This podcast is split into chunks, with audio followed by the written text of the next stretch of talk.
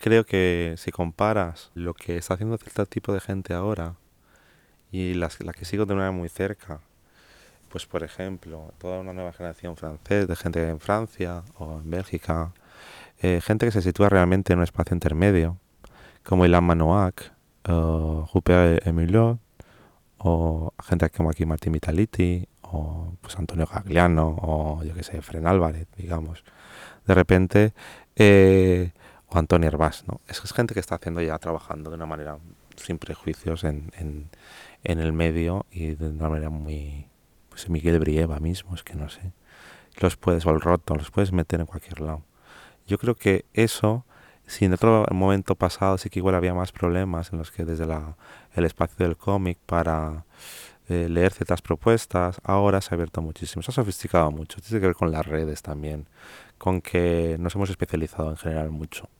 Me relaciono mucho con dibujantes de cómics porque mm, por A o por B los acabo entrevistando, acabo haciendo obras sobre ellos, ¿vale? Al final sí que hay cierta reciprocidad, ¿vale? Pues me invitan a hacer una charla en un contexto determinado, me, me, juntan con una charla con dibujantes de cómic y yo ahí nunca tengo ningún problema. Yo lo sigo, o sea, lo sigo de igual a igual, desde mi punto de vista.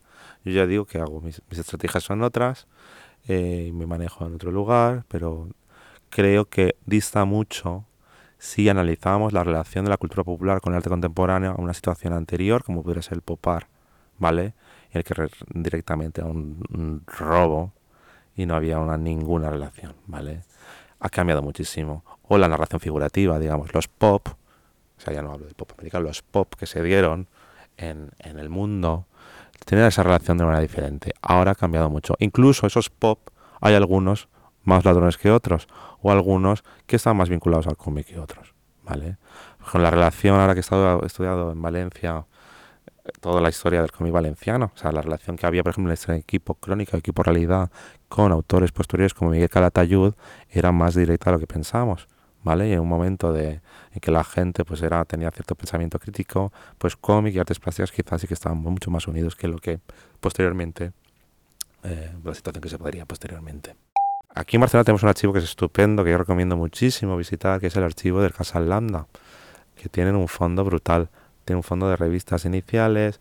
Eh, hace poco estuve en el archivo del colectivo Lambda de Valencia y también tenían pues las revistas iniciales con unos cómics estupendos.